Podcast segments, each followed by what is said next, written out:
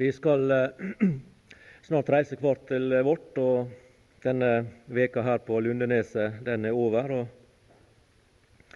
Da tenkte jeg på det i forbindelse med at jeg skulle få eh, anledning til å forkynne ordet her i formiddag, at jeg gjerne ville løfte fram noe som kunne gjøre at vi reiste herifra med fryd i hjertet, med glede, med jubel, med takk og pris til Han som har frelst oss, og som har satt oss inn i denne sammenhengen som vi er i, eh, og som vi har fått eh, utlagt fra Guds ord så fint gjennom Bibeltima bibeltimer i denne veka. Og Tonen er allerede slått an, fordi at det som jeg har tenkt på, det har allerede vært framme både i åpningsord og i sanger. Eh, for noen uker siden så uh, hørte jeg et innslag i et radioprogram, jeg tror det var i et Her og Nå. Det var en reporter som var ute på gata i en by og stilte et spørsmål til uh, forskjellige som har stoppa på gata. Han stilte det samme spørsmålet til alle sammen, og det var, spørsmålet det var dette. Hva er det vakreste ordet du kan tenker på akkurat nå. Det vakreste ordet du kan komme på, hva for et ord er det? Og Det var mange som uh, svarte. Det var menn, og det var kvinner, det var yngre og eldre. Og de hadde forskjellige svar. Men det var ett svar som eh, festa seg i sinnet mitt. Og det var ei jente.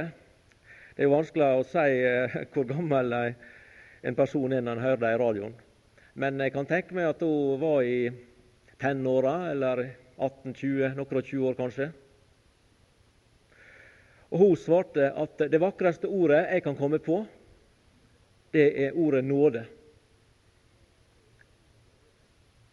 Og eh, Reporteren han ville vite hvorfor hun nevnte akkurat det ordet, nåde. Jo, sa hun, det er det vakreste ordet jeg kan komme på, for det ordet er grunnvollen i mitt liv. Hun levde et liv i nåde, der nåden fikk alt å bety for henne. Og Det er det som er, tema for det jeg vil bringe fram her i dag også. Det fins vel knapt et herligere og mer vidunderlig ord i vårt språk enn dette ordet nåde, når vi får vite hva slags innhold dette ordet har.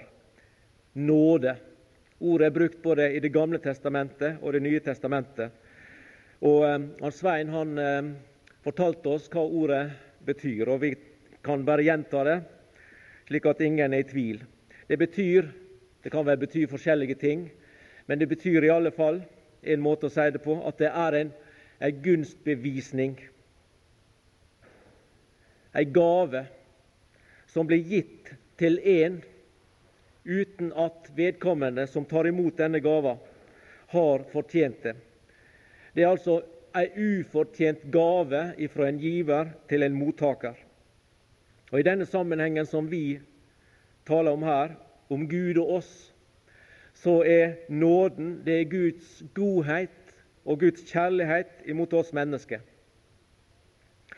Og Da vil jeg tilbake til eh, åpningsordet i dag. Johannes 1, 14. Vi har hørt om dette ordet, det evige ordet, dette som var hos Gud, og som var Gud. Ordet som formidla kommunikasjon og fellesskap mellom guddommen i den evige verden. Og Så ser vi her i vers 14 at dette ordet det ble kjøt og tok bolig iblant oss. Og så beretter og forteller Johannes her og vitner og sier og vi Han var en av de som hadde fått øye på dette ordet. Det hadde kommet inn i hans liv, det hadde kommet inn i hans vei. Og vi så, Han så dette ordet. Og Han så nærmere på dette ordet, på denne personen som han kom i kontakt med, og som han fikk fellesskap med. Og ettersom han så på denne personen, så steg det noe fram fra denne personen. Og det som steg fram, det var Vi så hans herlighet. De fulgte herlighet med denne personen, med dette ordet som nå bodde i menneskeskikkelse iblant dem. Og det var en herlighet, en enbåren sønns herlighet. Og når han så nærmere på hva denne herlighet bestod av, hva slags verdi og innhold den hadde, så hadde den en, en verdi og et innhold som Johannes hadde bruk for, og som du har bruk for, og som jeg har bruk for. Hans herlighet full av nåde og sannhet. Full av nåde. Jesu Kristi herlighet, som Johannes fikk øye på, og som du og jeg vel har fått øye på. Hvis vi får et møte med dette ordet, full av nåde og sannhet, så vil vi aldri kunne bli uberørt. Det vil virke noe i våre liv. Det skaper noe i våre liv. Og det skaper for det første da frelse, som vi skal komme til. Men denne Jesus, dette ordet, Gud åpenbart i kjøtt, han er full av nåde, og det trenger jeg i mitt liv. Jeg trenger nåde i mitt liv. Jeg trenger nåde over mitt liv. Jeg kan ikke eksistere overfor Gud uten nåden. Derfor var det godt for meg at jeg traff denne personen, at jeg fikk et møte med han og fikk oppleve å se hans herlighet, full av nåde og sannhet, som vi også har hørt om her i denne veka. Sannhet. Ditt ord er sannhet. Og her er ordet full av sannhet.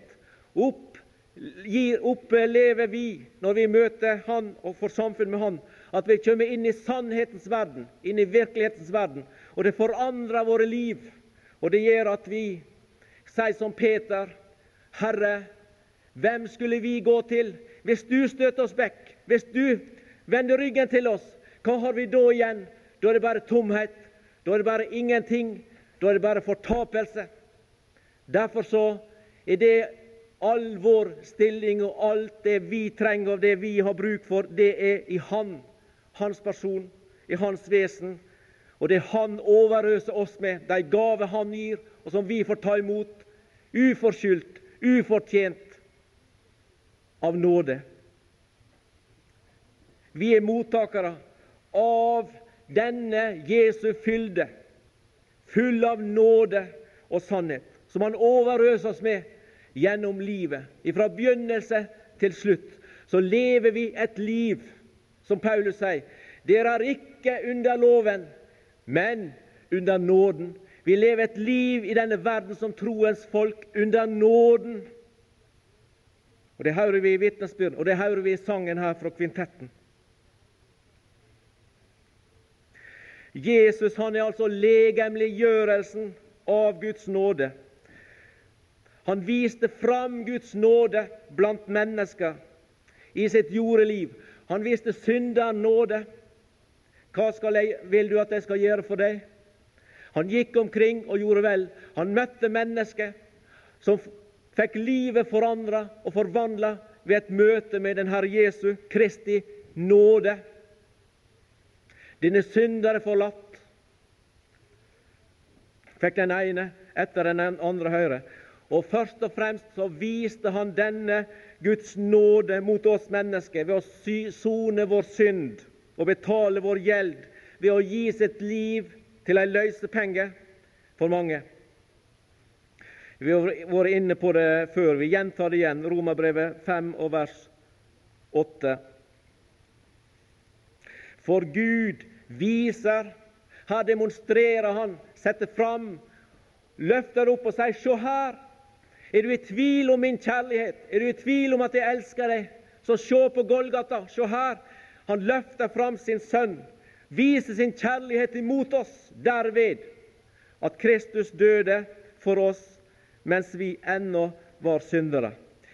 Se på korset. Hva ser du når du ser på korset? Ja, Vi ser mange ting når vi ser på korset og ser Han som hang på det midterste tre.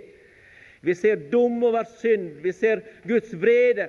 Vi ser Guds rettferdighet åpenbart osv. Men vi ser også Guds kjærlighet, og vi ser Guds nåde. Sannelig, sannelig, i dag skal du være med meg i paradis. Det var en nådeshandling imot en synder som hadde forspilt sitt liv i denne verden og levd som en forbryter. Men i det tolvte time fikk Jesus gripe han og tilføre han nåde som førte han inn i den evige verden. Og vi skal treffe han igjen i paradis. Se på korset. Hva er det vi ser? Nåde. Nåde strømmer fra korset ned. Dyp som havet med stille fred. Nok for tid og for evighet. Nåde nok for meg. Og det er også nåde nok for deg, du som er her. Enten du er snart ferdig med livsvandringa, eller du er ung, et barn som er nettopp er begynt på livets vandring. Nåde nok for deg. Nåde nok for tid og for evighet. Og En annen sier det slik nådefulle Gud. Han har møtt en Gud og fått samfunn med en Gud som han opplever som gir nåde. Så fører han inn i ei stilling fylt av nåde. Nådefulle Gud, synd du sletter ut. Det er bare én, sa Jesus, som kan tilgi synder. Og det er den personen mennesket må komme i kontakt med. Det er den personen mennesket må komme i samfunn og fellesskap med. Hvis ikke, så er vi fortapt. Vi må komme i samfunn med og oppleve i våre liv denne personen som kan tilgi synd. Synd sletter ut. Jesus tok all synd, all synd. Tenk på det all synd. Og jeg tenker for min del det er mange ting i mitt liv som ingen andre enn jeg sjøl veit om. Synder i tanke, synd i ord og synd i gjerning. Men han tok all min synd som sin, og derfor også min. Herlige Jesus, herlige Frelser, som har en sånn innstilling til synderen. Han overøser oss med nåde til frelse, med nåde til bevarelse, med nåde til helliggjørelse, med nåde til herliggjørelse. Jeg skal ikke ta alt dette i dag. Bare slå fast at den alle velsignelser som finnes i frelsa, den er i og ved og gjennom Jesus Kristus. I og ved og gjennom Han. Resultatene av Guds nåde de begrenser seg ikke bare til syndenes forlatelse, men innbefatter alt som Gud gir for et menneske som har tatt imot Jesus som sin frelser. Romerbrevet 8, vers 32. Det er kjente ord som vi har fått hørt lest flere ganger i denne veka. Men det er herlige ord å igjen bli minnet om, og igjen å glede seg over og fryde seg i at dette er blitt meg til del. Han som ikke sparte sin egen sønn, denne enbårne sønn med en herlighet full av nåde og sannhet. Noen år etterpå så ble han nagla til treet av urettferdige sender, og Guds dom gikk over ham fordi du og jeg skulle gå fri. Han som ikke sparte sin egen sønn, men gav ham for oss alle. Hvorledes skal han kunne annet enn gi oss alle ting med Han? Alle ting, alt innbefatta i nåden fra Gud. Peter, Vi har vært inne på Peter. Yppersteprestens gård og andre episoder i Peters liv. Peter han hadde erfaringsliv som kristen som gjør at mange av oss gjerne bruker han som et eksempel vi, vi gjerne identifiserer oss med. For vi også har, eh, kan være store i ord, som han Håkon har vært inne på. Vi kan ha store og modige og utfordrende ord. Og liksom eh, være så sterke i ord. Men så kommer praktikken, så kommer realitetenes verden, hverdagen. Og så holder ikke dette stikk. Det holder ikke seg opp. Slik var det med Peter. Jeg vil gå i døden for deg. Ingen skal forlate deg, i hvert fall ikke jeg. Og så vet vi hva som skjedde. Og det er mange andre episoder i Peters liv. Men han levde et liv i samfunn med den Herre Jesus. Og så skriver han disse to brevene på et senere tidspunkt. Og så gir han Gud et vitnesbyrd. Han har erfart Gud i sitt liv gjennom alle disse opp og ned, med og motgang høyt der oppe på Tabors høyder og djupt der nede i den mørke dalen. Og så sier han i 1. Peter 50.: Du Gud, du er all nådes Gud. Slik opplevde Peter sin Gud. All nådes Gud. Det betyr at Gud har nåde for alle sammenhenger. Gud har nåde for alle forhold. Gud har nåde for alle situasjoner i livet som du som et Guds barn kommer inn i. Det vil ikke være nok et område som du vil oppleve på din vandring som en troende, der Gud ikke har nåde, at du går ut av nåden. Du lever under nåden. Den frelsende nåde som du har opplevd ved trua på Herren Jesus Kristus. Det er det første som jeg vil nevne. Jeg vil nevne to, og det er den frelsende og bevarende nåde. La vi gå til apostelgjerningene, det 15. kapittel,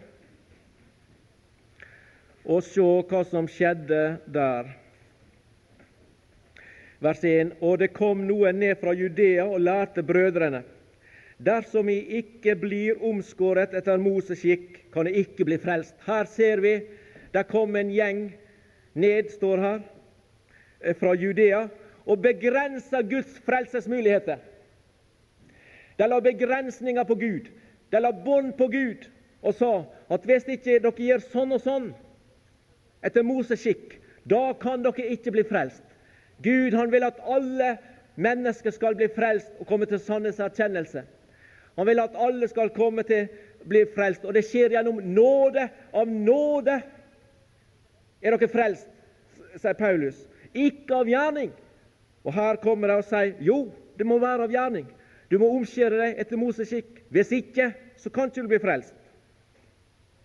Da oppsto det strid, står det i vers 2. Og i vers 7 det ble et skarpt ordskifte. Og så sto Peter opp, og så sier han i vers 10.: Hvorfor frister i dag nu Gud ved å legge et åk på disiplenes nakke, som verken våre fedre eller vi var i stand til å bære. Men ved den Herre Jesu nåde tror vi at vi blir frelst på samme måte som de. Det er ingen forskjell på jøde og hedning. Vi blir frelst på samme måte som de. Og på hvilken måte ble de frelst? Ved den Herre Jesu Kristi nåde. Av nåde er dere frelst. Og det er ikke av dere selv, det er Guds gave ved tro. Av nåde er dere frelst ved tro, og det er Guds gave. Ikke av gjerning, for at ikke noen skal rose seg. Ja, det er mange som har prøvd opp gjennom eh, tidene, veit vi, å bli frelst gjennom andre ting enn nåden.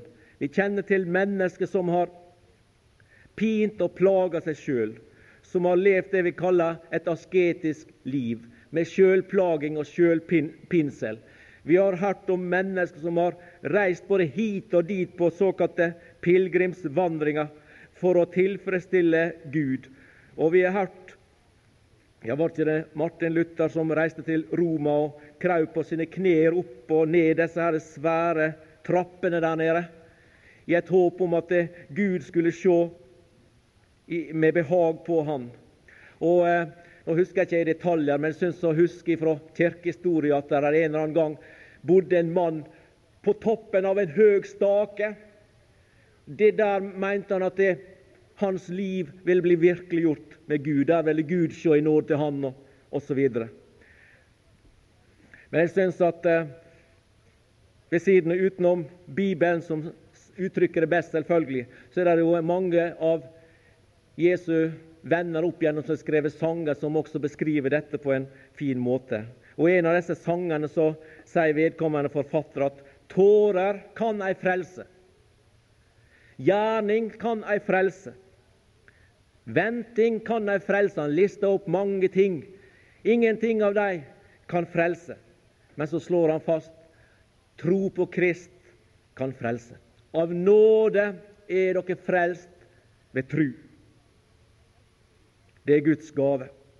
Titus i eh, tredje kapittel der uttrykker Paulus dette på en veldig fin måte, syns jeg.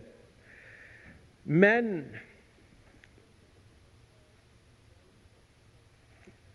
Titus 3 og vers 4 og 5. Men da Guds, vår Frelsers, godhet og kjærlighet til menneskene ble åpenbart, frelste Han oss, ikke for rettferdige gjerningers skyld, som vi hadde gjort, men etter sin miskunn. Det er en form for nåde. Etter sin miskunn ved badet til gjenfølelse og fornyelse ved Den hellige ånd, som Han rikelig har utøst over oss ved Jesus Kristus, vår frelse. Av nåde er dere frelst, sier Paulus i Feserbrevet. Og her sier han at han frelste oss etter sin miskunn, ikke for rettferdige gjerningers skyld, som vi hadde gjort. Og la vi igjen slå fast, for dette er viktig, at frelsa er et Guds verk, det er ikke vårt. Frelsa er en nådeshandling fra Guds side, retta til oss, og som vi får ta imot som et fullbrakt verk, som en fullgjort gave, ferdig fra Guds side. Det er ikke av gjerning. For vi mennesker vi, er så lett for at vi vil gi noe. Vi vil gi noe. Det blir liksom så enkelt, og det blir for gratis. Det blir for nær sagt billig å tenke seg at Gud skulle gi meg frelse uten at jeg skulle gi noe som fortjener denne gave. Og Derfor så må vi igjen og igjen minne oss om det. Jeg har en kollega, og vi satt og snakka litt om disse tingene her i, eh, like før ferien. Og så sier han Jeg syns det er sånn at det, denne lutherske måten å se dette med, med, med frelse å gjøre, det, det syns han var Ja, han likte bedre den katolske, sa han. Ja, hvorfor det? Ja, Er ikke det sånn da, sånn at det, katolikkene de, de legger mer vekt på gjerninga? At du liksom må gjøre noe for å tilfredsstille Gud, og du må bringe offer liksom, og i den retning. Jeg synes det er sånn, jeg tenker på han på korset, han, eh, han eh, røveren der. Det var jo en kjeltring. Det var en banditt sånn, som hang der ved siden av. Og hadde hatt et helt liv på, på, på den kriminelle løpebane. Og han fikk gå inn i paradis. Og så var det kjekke, fromme folk som hadde levd et flott liv og bare fordi at de liksom ikke tok imot Guds nåde, så gikk de fortapt. Det syns han virka urettferdig. Ja, Han hadde ikke fått sett dette ennå. Hadde ikke fått sett det. Ja, men sier ikke det er fint at det, Gud handler i nåde, fordi at det, da stiller vi alle likt. For tenk hvis det skulle være sånn som du sier. Da vil jo noen kanskje rent sånn menneskelig ha forsprang for andre. Noen vil da ha muligheter fordi de har et sånne gode egenskaper, har sånn fin karakter og alt dette her. Så kan de liksom nå opp til dette som du sier. Mens andre de vil aldri komme lenger enn det første skrittet, og så er de tapt. Så er ikke det kjangs. Nei, det kunne ikke han forstå. Men slik er det av nåde. Alle er synder, sier Gud. Dere står alt, alle likt. Dere er syndere, dere er syndere, og er dere sjøle fortapt. Men jeg tilbyr frelse av nåde. Og det er vår, vår redning. Det er min redning. Og det er din redning. Av nåde er vi frelst. Men så kan vi stille spørsmål om, og det har jeg lyst til å trekke fram til slutt her i, i dag. Kanskje spesielt for dere som eh, er yngre, og som eh, Kanskje, hvis Herren drøyer med å komme, få noen år i denne verden og leve i samfunn med Jesus. Og En kan lure på nå er du unge, og det er mange ting som ligger framfor deg. og hvordan En kan tenke hvordan vil det gå? Hvordan vil det bli med meg om noen år? Vil, vil det holde, som mange sier? Vil det holde? Hvordan går det? Vil eh, samfunnet med Jesus bestå? Og alt dette. Og da vil jeg tilbake igjen til eh, de versene som han han eh, hadde han Svein. Romerbrevet 5 og de to første versene. Så skal vi se og minne hverandre om at det, nåden den er ikke bare den frelsende, at han av nåde frelste oss og ga syndes forlatelse og førte oss inn i familien og alle disse tingene. Men det er en nåde som eh, følger oss i det daglige, i vandringa med Gud, om vi så skal leve til vi er 150-200 år. Ja, Vi kjenner jo hellige Gamle testamentet som levde i mange hundre år i samfunn med Herren. Og der står det Da vi nå altså er rettferdiggjort av troen, har vi fred med Gud ved vår Herre Jesus Kristus, ved hvem vi også har fått adgang ved troen til denne nåde i hvilken vi står. Det er det jeg gjerne vil minne oss om. Til i denne nåde oss inn i ei stilling i Kristus, og da flytter oss oss, han oss inn i ei stilling i nåde, slik at vi som Guds barn også står i nåde hos Gud. Til denne nåde den bevarende nåde, den frelsende nåde, i den forstand den livsfrelsende nåde, som frelser oss hver dag som frelste. Vi blir frelst hver dag, selv om vi er frelst. Den daglige frelse, bevarelsen, om du vil. Det er også en nåde fra Gud. I denne nåde i hvilken vi står. Og Jeg syns det er så fint det bildet som jeg lurer på om ikke det var en gamle Berkeren som brukte det i, i boka si. Iallfall så syns jeg å ha det fra han. Denne, med denne fossen. Det er et fossefall, og fossen som renner ned sånn. Og så kan du og jeg finne på ei hylle der. Så kan vi finne vår plass i denne fossen. Og vi kan stå i denne fossen og nyte det denne fossen har å gi. Vi kan leske oss med denne, dette vannet. Vi kan ta del i den energien som dette vannet bringer med seg. Det er liksom et bilde på nåden over våre liv. Vi blitt satt inn i nåde, en nådesammenheng som frelste, i hvilken vi står, akkurat som om vi hadde stått i denne, inn i denne fossen og latt denne fossen liksom skjule oss, renne over oss, og vi var midt inne i denne fossen med alt det det innebar. Slik er det med deg og meg som et Guds barn. Gud gir oss en stilling i, i nåde. I Kristus, i Guds elskede Sønn, så er vi akseptert som Hans elskede og ektefødte barn, og blir ikke kasta ut av Gud. Efeserbrevet kapittel 1, vers 5 og 6. Der står det slik Til pris for sin nådes herlighet. Nådes herlighet. Og vi så Hans herlighet, full av nåde og sannhet og til pris for sin nådes herlighet, som Han gav oss i den elskede, i hvem vi har forløsningen ved Hans blod, syndenes forlatelse etter Hans nådes rikdom. Og Dette her er det har vi fått i vers 5, i det Han i kjærlighet forutbestemte oss til å få barnekår hos seg ved Jesus Kristus etter sin viljes frie råd.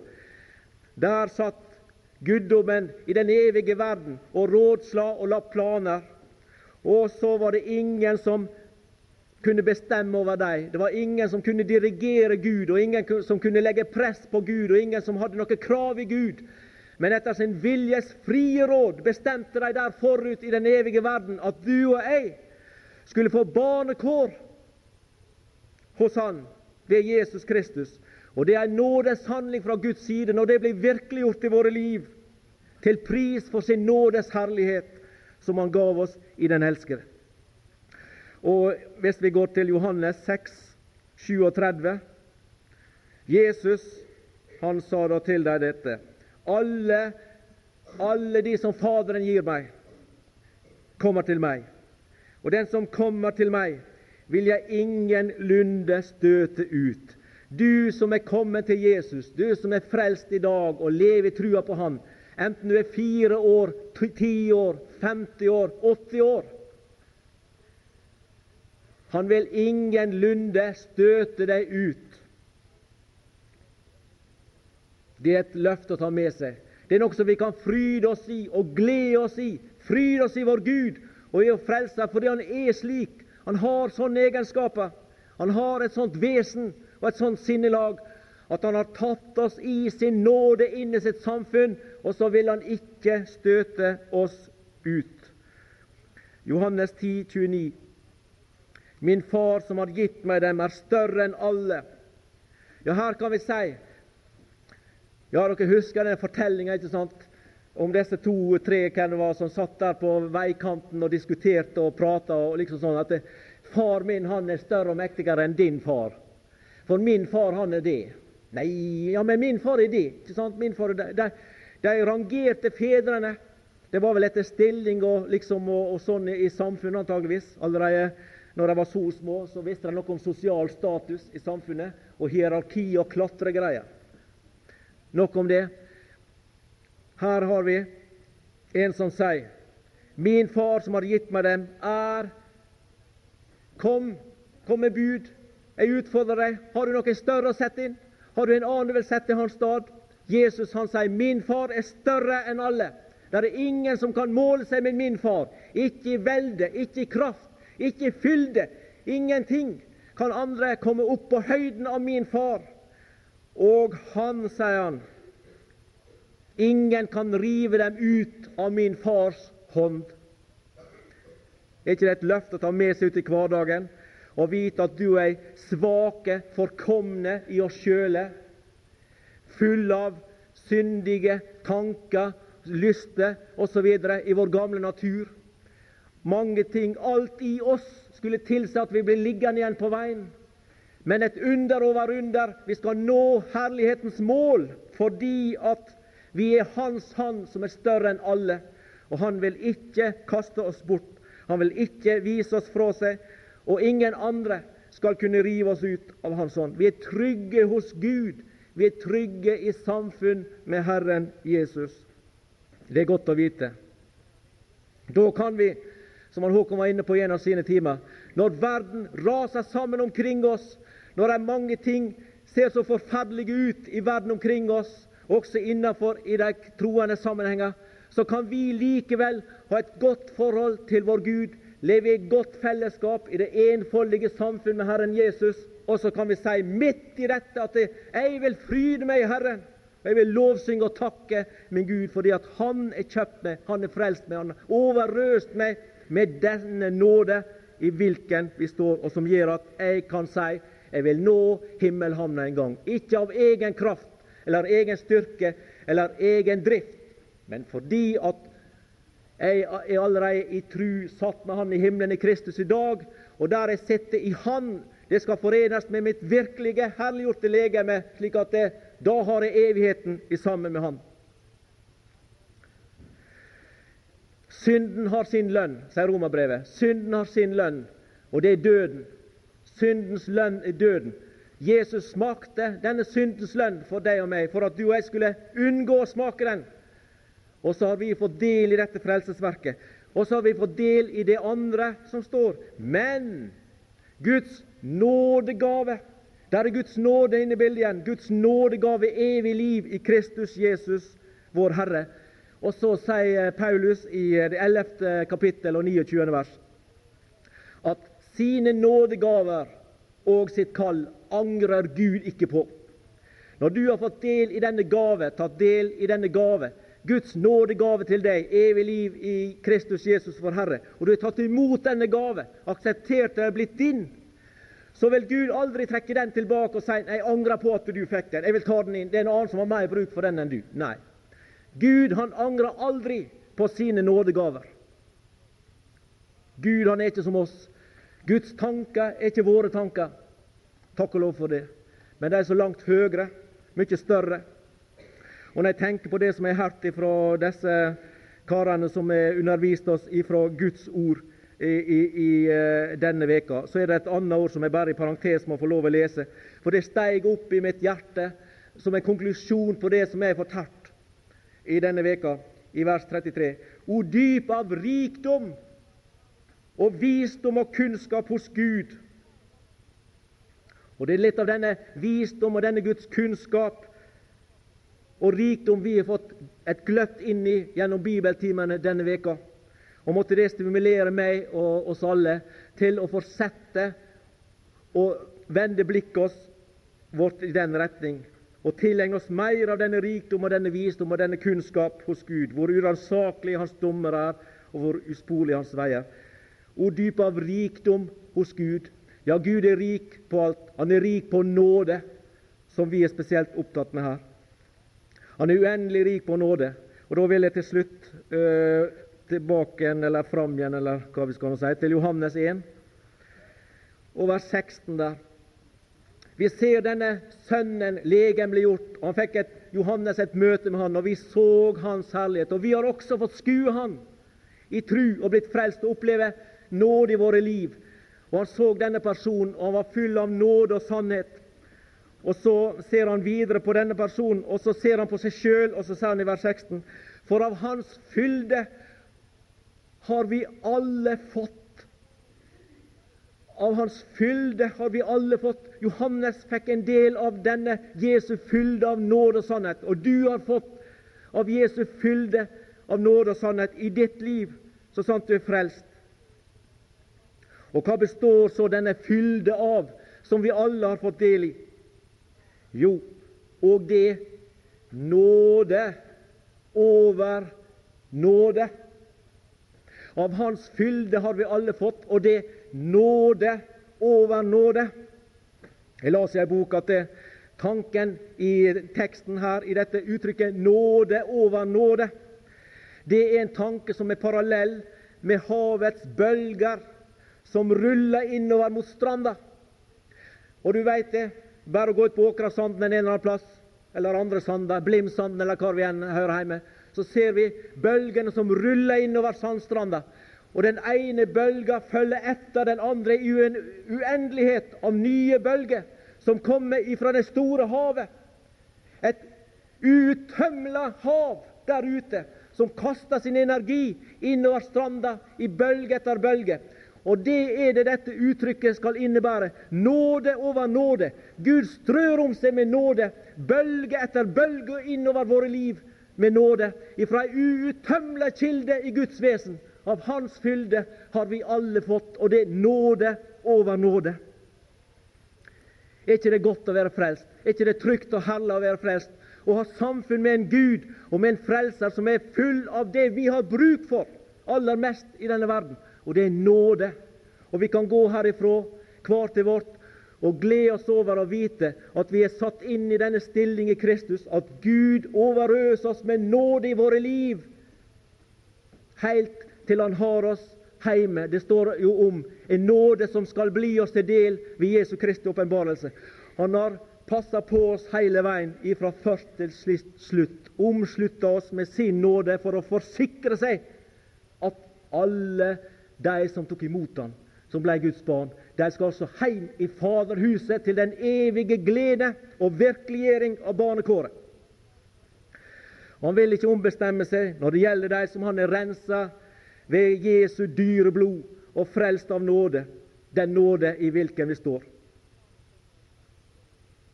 Som sangeren sier, og det vil jeg slutte med, i sorg og savn, på land og hav, jeg trygt kan vandre frem for nåden er min støttestav, mitt håp som leder hjem.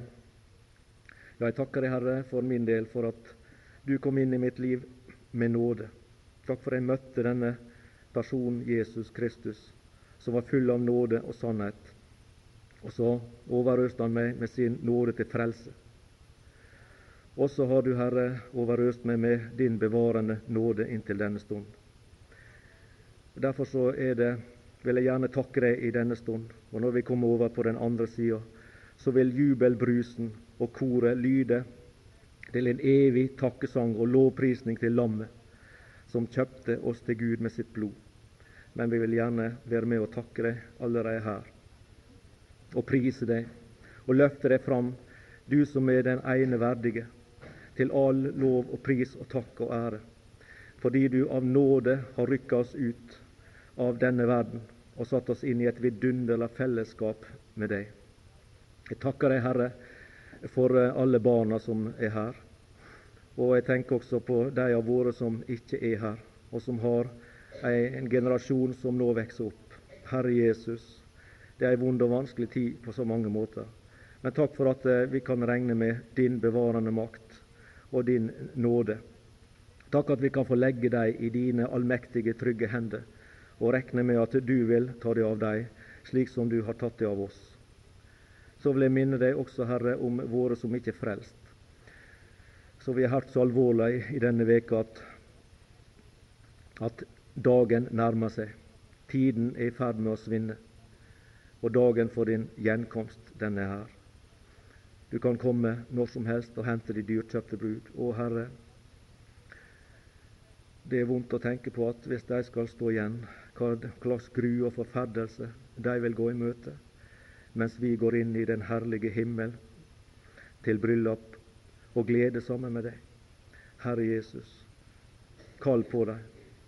Du kalte oss, du kan kalle dem. Du frelste oss, du kan og vil frelse dem. Må de merke ditt kall, må de merke din stemme. Må de merke et eller annet på en eller annen vis du må bruke det middel som er nødvendig til å få dem i tale, som også de vil ta imot denne din nådegave, frelse evig liv i deg. Så takker jeg Herre for ordet som er lytt denne veka. Hjelp oss, Herre, til å grunne på det, til å vurdere og studere, og la det bli til ettertanke. Det er mange ting der vi har hørt som er alvorlige, som er utfordrende og oppfordrende. Herre, hjelp oss til ikke å snu ryggen til det, men at det kan få lov til å virke i våre liv, forandre oss, slik at eh, vi kan eh, gå fram over i det å utvikle oss og vekse i nåde og kjennskap og kunnskap til deg. Så vil jeg be også for eh, det arbeid som drevet, og det som arbeid som også dette kurset med å bære fram gjennom litteraturmisjon. Herre Jesus, det er mange som har lest Ordet, og gjennom den måten komme i kontakt med deg, enten som dine eller til frelse. Evangeliet, det går sin gang, og du, Herre, du er evangeliets Herre. Det er de, i de tjeneste vi står, og det er du som skal se til at det bærer frukt. Hjelp oss, Herre, til å være trufast der vi står, til å være med og så. Og så er det du som gir vokster. Takk for det jeg har fått for min del og jeg ærer og priser ditt dyrebare navn. Amen.